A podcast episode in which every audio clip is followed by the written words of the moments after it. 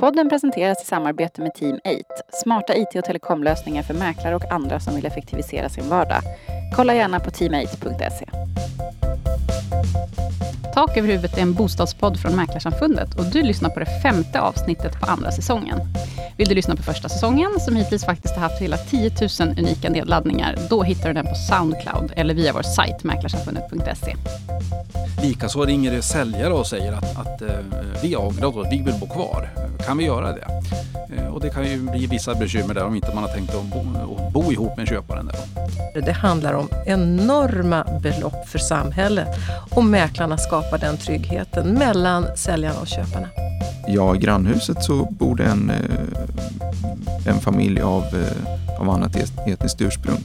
Det kan aldrig vara relevant för en köpare. Men sen ringer då säljaren eh, och säger att det där var ju ett sånt där trädgårdstält som man har köpt. Eh, en, en billig grej som förmodligen skulle blåsa bort med första höststormen. Tak över huvudet, tak, tak över huvudet,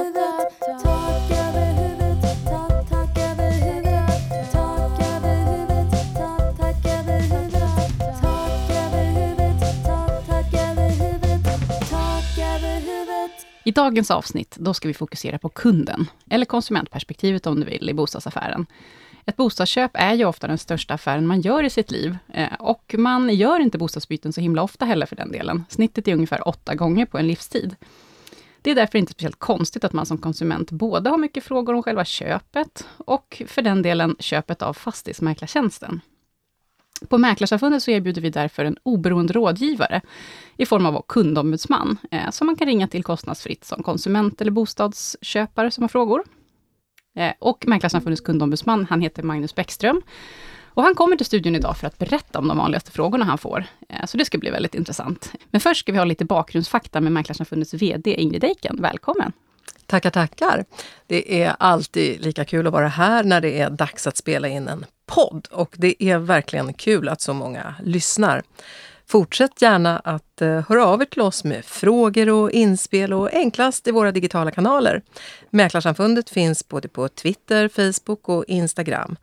Och eh, poddens hashtag är eh, tak över huvudet. Precis, som det låter fast utan prickarna på öet helt enkelt. Mm, just det. Eh, idag har vi som jag sa inledningsvis kunden och konsumenten i fokus i podden. Eh, när man köper bostad är det ju egentligen en dubbel affär man gör. Man köper ju både själva bostaden och eh, fastighetsmäklartjänsten. Mm, precis. Och fastighetsmäklartjänsten, den väljer faktiskt eh, drygt 91 procent av bostadsköparna att använda. Det är väldigt många och det här är statistik som värderingsdata tar fram. Eh, det säger sig självt att eh, vill du eh, att den affär som oftast är den största i ditt liv eh, ska genomföras, så vill du att den ska genomföras på ett tryggt sätt. Och eftersom du byter bostad i snitt åtta gånger på en livstid så blir man sällan liksom själv expert på den här affären och där kommer fastighetsmäklaren in i bilden som expert och vägledare genom hela affären. Precis som i många andra sammanhang så, så är det viktigt att hålla fram just att vi är experter och när det gäller andra tjänster så tittar vi gärna på att man också har experter. 91 procent, det är ju i stort sett alla bostadsaffärer. Ja, det är ju det och det är vi väldigt glada för. Det är klart att det finns de som kan sälja eh, själva också. Men framförallt ur ett samhällsekonomiskt perspektiv, så tänk vad som skulle hända om alla började göra upp mångmiljonaffärer utan giltiga avtal och där det inte fanns varken försäkringar eller rent utav någon som säkerställde vem som överhuvudtaget äger en bostad och därmed har rätt att sälja den. Det här är en rätt hisnande, liksom ett hisnande perspektiv tycker jag. Och jag tycker också att vi bör lyfta fram det här mycket oftare. Det handlar om enorma belopp för samhället och mäklarna skapar den tryggheten mellan säljarna och köparna. Det rör sig ju om väldigt stora summor när man får det sådär på pränt. Ja, det gör ju det. De senaste siffrorna från SCB de visar hur det såg ut vid årsskiftet eh, 2015-2016, alltså för ett år sedan. Då uppgick den privatägda marknaden till 30, eh, 63 procent av totala beståndet, eller 2,9 miljoner bostäder. Och det totala beståndet var lite över 4,6 miljoner bostäder och det gjordes omkring 171 000 ägarbyten till ett värde av hisnande 381 miljarder kronor. Och som sagt, 91 procent eh, av de som förmedlade eh, villor anlitade en fastighetsmäklare och eh, vi tror att det är många som också anlitar mäklare när det gäller bostadsrätter, men där har vi inte statistik på samma sätt. Nej, just nu. Det är faktiskt en viktig distinktion. Vi sa ju 90 procent här innan, men det är faktiskt villor det gäller. Sen, ja, det, det är det. Men, men, men mäklarna andel. själva brukar ju säga att de upplever att det är samma utsträckning på bostadsrätter och villor. Mm. Mm. Men om man tittar på fastighetsmäklarna och branschen så granskas vi ju väldigt hårt i media, mm. ofta och löpande. Det var väl dagens understatement. Mm. Eh, och det tycker vi någonstans är bra. Det är klart att vi ska granskas när det gäller så stora summor och folks viktigaste affär i livet. Men Eh, och bilden är ju inte odelat positiv av mäklare. Eh, hur rimmar det med den höga procenthalten av mäklade bostadsöverlåtelser? Alltså om man ska tala klarstänkt. Om mäklarna nu var så usla som man ibland kan tro eh, i media, så borde väl den här siffran vara lägre? Det borde inte vara 90 procent.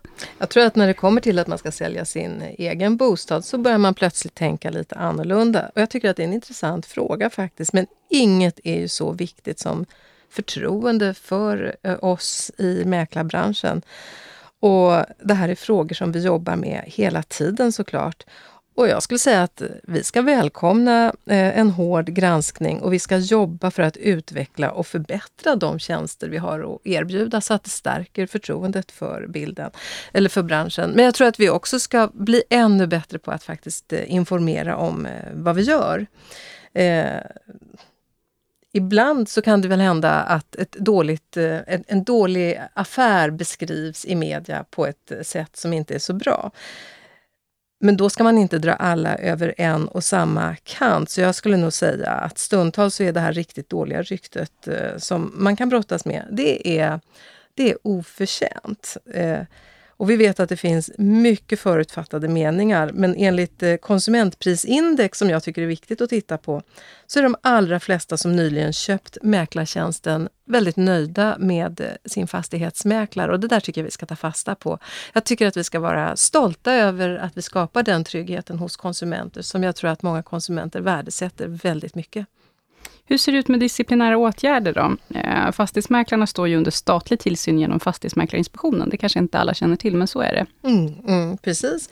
Eh, ja, det, där är, det här kan man prata väldigt mycket om, för att eh, hur det låter i media och hur det är i praktiken, det är två helt olika saker. Antalet anmälningar det utgör två promille av antalet förmedlingar och under 2015 till exempel så meddelades 65 fastighetsmäklare en varning. Det är förvisso en ökning med, jämfört med året innan men bara med tre personer jämfört med 2014. Så att eh, trots att antalet anmälningar ökade så ligger vi på otroligt, eh, ja jag tycker vi är på låga nivåer. Under 2015 var antalet anmälningar 378 stycken och det var den högsta siffran under de senaste 15 åren. Och det här ska då jämföras med till exempel 2014 då det inkom 303 eh, anmälningar. Vill man fördjupa sig i de här siffrorna kopplade till fastighetsmäklarbranschen så finns det bland annat i vår årliga rapport Fakta och nyckeltal eh, och den hittar man på vår hemsida.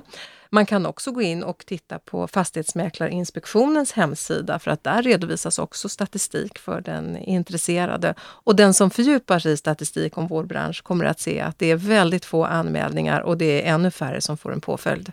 FMI.se. Stort tack Ingrid Eiken. Tackar, tackar. Magnus Bäckström, Mäklarsamfundets kundombudsman. Varmt välkommen in i studion. Tack så jättemycket. Hur känns det här? Det känns jättebra och äntligen få komma in i radioetern här. Ja, eller hur? Vi har ju gjort lite omstökning sen förra säsongen av podden. Då hade vi ett stående inslag som hette Konsumentkollen. Men sen gjorde vi webb-tv eh, mm. av det istället. Det stämmer. Eh, så att eh, vill man eh, veta mer om och få svar på frågor kopplade till bostadsbyten så kan man ju kika på vår Youtube-kanal och se Konsumentkollen på TV också. Absolut. Och vi finns även, Konsumentkollen finns ju även på Facebook också som en egen eh, liten grupp där. Just det, så är man intresserad av de här frågorna och vill veta mer så följ Konsumentkollen på Facebook. Absolut. Men det om det, det gör ju inte att vi inte vill höra mer av dig här i podden, för det här är ju frågor som är intressanta. Visst är det det, absolut. Eh, idag ska vi ju prata lite om Eh, vilka som ringer till dig och, eh, eller kanske inte så mycket vilka som ringer till dig. ja, det, det, vet vi. precis, utan mer vad de ställer för frågor. Stämmer, precis. Eh, om vi börjar, eh, vi börjar i, i liksom själva antalet frågor. 3000 samtal per år. Mm. Det är 3000 samtal som eh, kommer fram, ska vi säga också. Där. Kön till kundombudsmannen är väldigt, väldigt lång oftast där.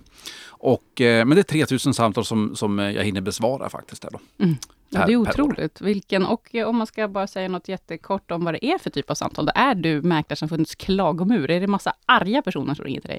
Ja, man skulle kunna tro det, men, men eh, nej, vill jag svara på den frågan faktiskt. Där. Naturligtvis är det de som är missnöjda och arga eh, som ringer in där, men jag hoppas att de är lite mindre arga och mindre missnöjda när de lägger på i vart fall. Eller att jag får chansen att lägga på. så att det är inte många alls som när samtalet avslutas som är så där förbannade eller arga faktiskt. Där. Vad skulle du säga rent procentuellt av de här 3000 samtalen, hur många är det som är liksom riktigt arga eller har riktiga klagomål? Alltså om vi tittar på när vi, när vi avslutar samtalet, då är det frågan om någonstans mellan 2 och 3 procent som, eh, där det finns befogad kritik eh, mot eh, fastighetsmäklaren i sådana fall. Mm. Eh, men fler är det faktiskt inte. Nej, det är ju lite intressant faktiskt att det är, det är mest egentligen frågor eh, som de har kring överlåtelser eller liksom de är mitt i det här köpet. Ja, eller, eller så är det missuppfattningar. Man tror att det ska vara på en sak. Eh, man är rädd att man har blivit lurad eller så. Men när man får bekräftat att så här är det på grund av en, en, en lag eller regel eller branschpraxis så känner de sig ganska nöjda och lugna med det efter samtalets slut. Där. Mm. Och vad har du för bakgrund då Magnus? Du har ju varit här som kundombudsman, hur länge är det nu? Det är... Ett halvår bra precis nu. Ja, och vad gjorde du innan du kom hit då? Innan det så jobbade jag med fastighetsmäklares försäkringar eh, för en försäkringsförmedlare. Då. Eh, och eh, sysslade mest med dolda felförsäkringar där jag åkte land och rike runt och träffade fastighetsmäklare och besiktningsmän och pratade just om dolda felförsäkringslösningar. Och innan det så har jag varit fastighetsmäklare i många år i Stockholms södra förorter. Där då. Just det, så det här är liksom, det är ingen slump att det är du som är experten här. Du har en gedigen bakgrund. Det kan man känna sig trygg med som kund. Ja. Eh, vilka frågetyper skulle du säga är vanligast bland de här eh, som ringer? Ja, det är tre, vi kan kategorisera dem i tre olika eh, i grova drag. där. Det ena det handlar om att man undrar om fastighetsmäklaren har gjort rätt. Mm. Och det andra det handlar om att man har hittat fel i bostaden som man har köpt eller sålt. Och den tredje, det handlar om eh, frågor kring att anlita en fastighetsmäklare. Där då. Just det, hur man ska göra och vad man ska göra och så. Precis. Eh, okej. Eh, om vi tittar på vilka, vilka, frågor som har legat i topp då, de senaste sex månaderna. Där, det här är liksom de tre huvudsakliga kategorierna. Mm, men eh, precis. hur ser det ut rent, eh, om man bryter ner det ytterligare lite grann? Mm. Bryter vi ner det där, då, då handlar den, den, allra vanligaste frågan, eh, och det är ungefär 40 procent, handlar om att det har uppstått en tvist mellan köpare och säljare. Och den vanliga frågan där det är att köparen har tillträtt och eh, börjat renovera eller flyttat in i, i objektet och då hitta fel och brister.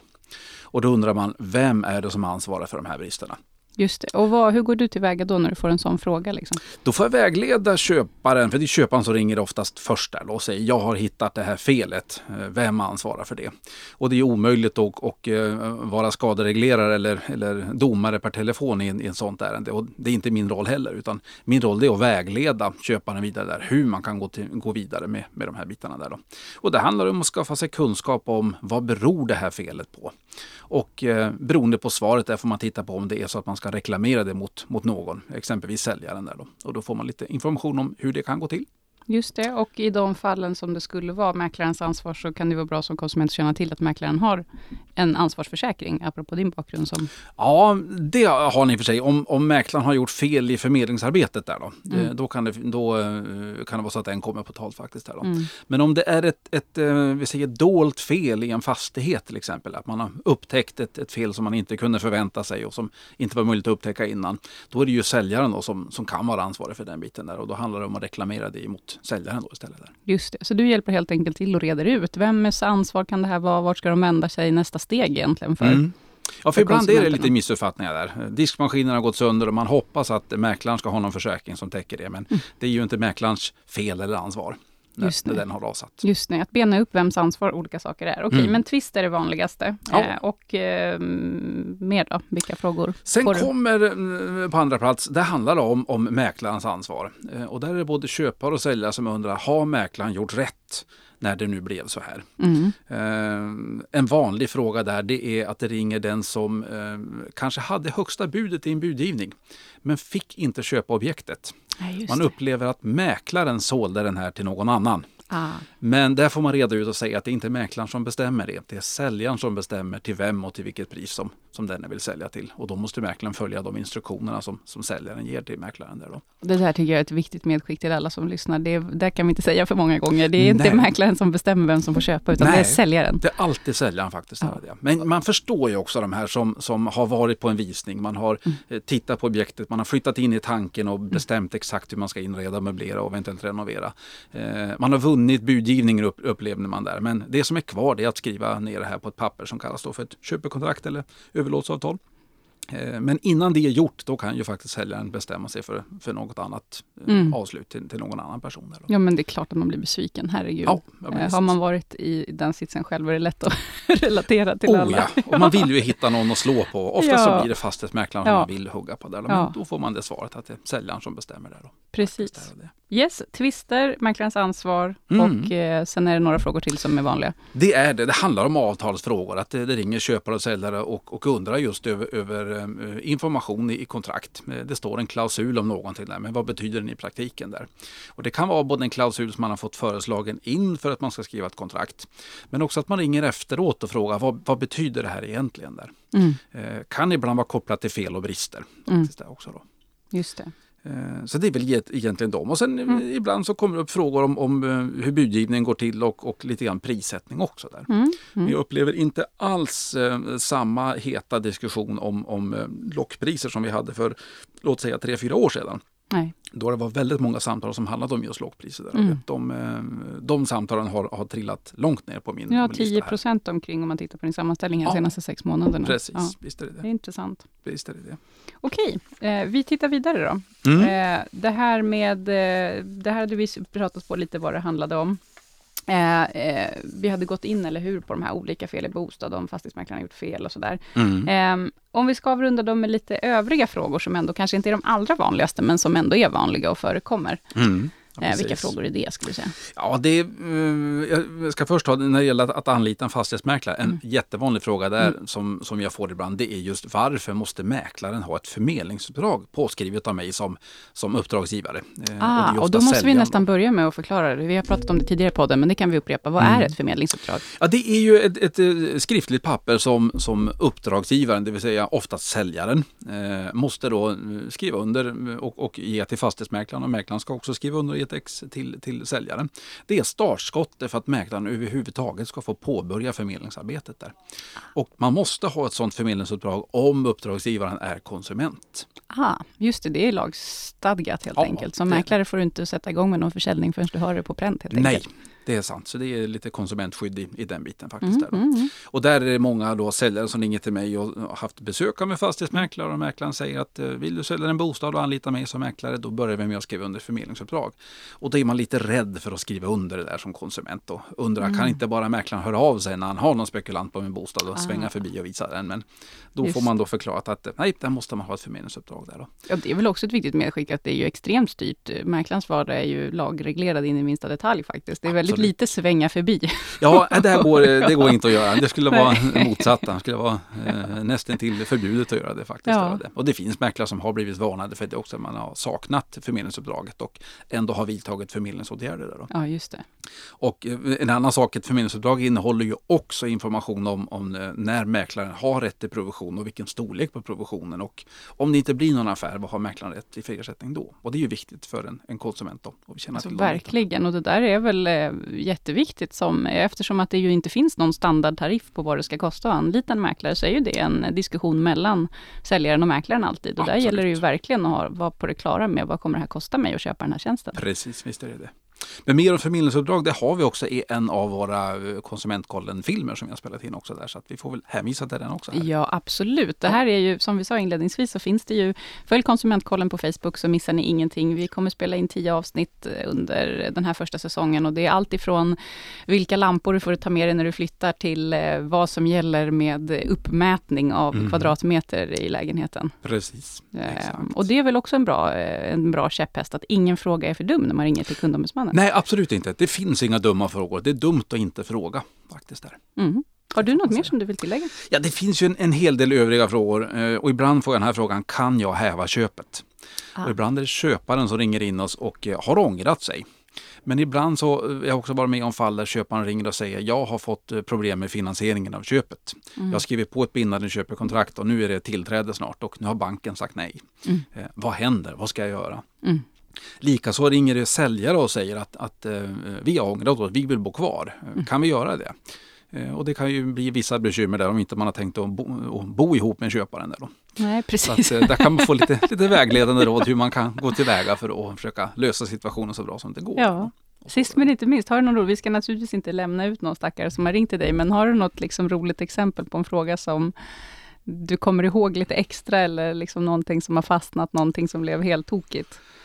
Oj, ja det, det finns det säkert. Men i och med att det är så många frågor så Ja. är det svårt att, att komma ihåg dem där och det. Men, men ehm, ja,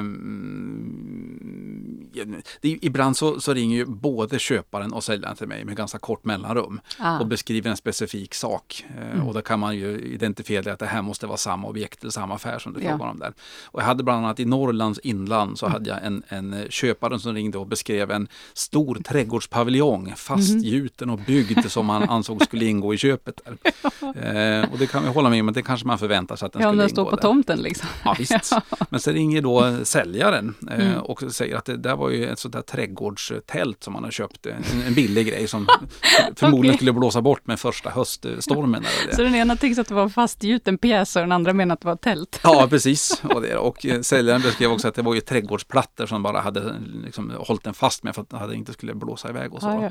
Så det är ju också li- lite svårt när man får Ja. samma case men, men det beskrivs på olika sätt också. Där, då, Ja. faktiskt där, och det. Men där är du liksom själva handen att hålla i stormen i alla fall och förhoppningsvis får man hjälp med lite lotsning vidare som konsument, vart Mm. man ska vända sig för att få rätt sida på sitt bekymmer. Absolut, visst får man det. Ja, Magnus Bäckström, kundombudsman på Mäklarsamfundet, tack för att du kom hit. Tack så mycket! Tack! I veckans avsnitt av Fråga Juristen ska vi prata om upplysningsskyldighet versus förbud mot diskriminering. Eh, den senaste tiden så har det förekommit frågeställningar rörande just mäklares upplysningsskyldighet, särskilt när det gäller boenden för nyanlända och uppförandet av sådana boenden i närheten då av bostadsrätter framförallt som säljs. Eh, och i ett antal ärenden så har köpare uttryckt en viss upprördhet över att ansvarig mäklare inte informerat om att det exempelvis då finns planer för att öppna HVB-hem eller liknande i närheten av den här bostaden. Och det har till och med förekommit att köpare påstått att de har drabbats ekonomiskt eh, på grund av eh, sådana här scenarion då, och mäklaren skulle ha brustit i sin upplysningsskyldighet. Eh, till min hjälp för att reda ut vad som gäller här har jag förbundsjurist Fredrik Aldmo. Välkommen hit! Tackar, tackar. Hur är läget? Jo då, det är bra. Det är bra. Eh, är du taggad för den här säsongen av Tak över huvudet? Ja, det är absolut, absolut. Den här frågan är ju inte alldeles enkel. Nej, den här frågan är väldigt komplicerad kan jag säga. Mm. Men då är det tur att vi ska försöka reda ut den. Och vill man läsa eh, på mer om det här så finns det faktiskt en text som ligger uppe på vår hemsida, mäklarsamfundet.se. Man klickar sig in på nyhetsbrev och sen när man väl har kommit in till nyhetsbrev så letar man vidare till en kategori som heter juridik. Ja, Varannan vecka skickar vi ut nyhetsbrevet Fastighetsmäklaren och där eh, medverkar du Fredrik och dina Ja. kollegor här Ja med nya eh, smarta infall på saker och ting.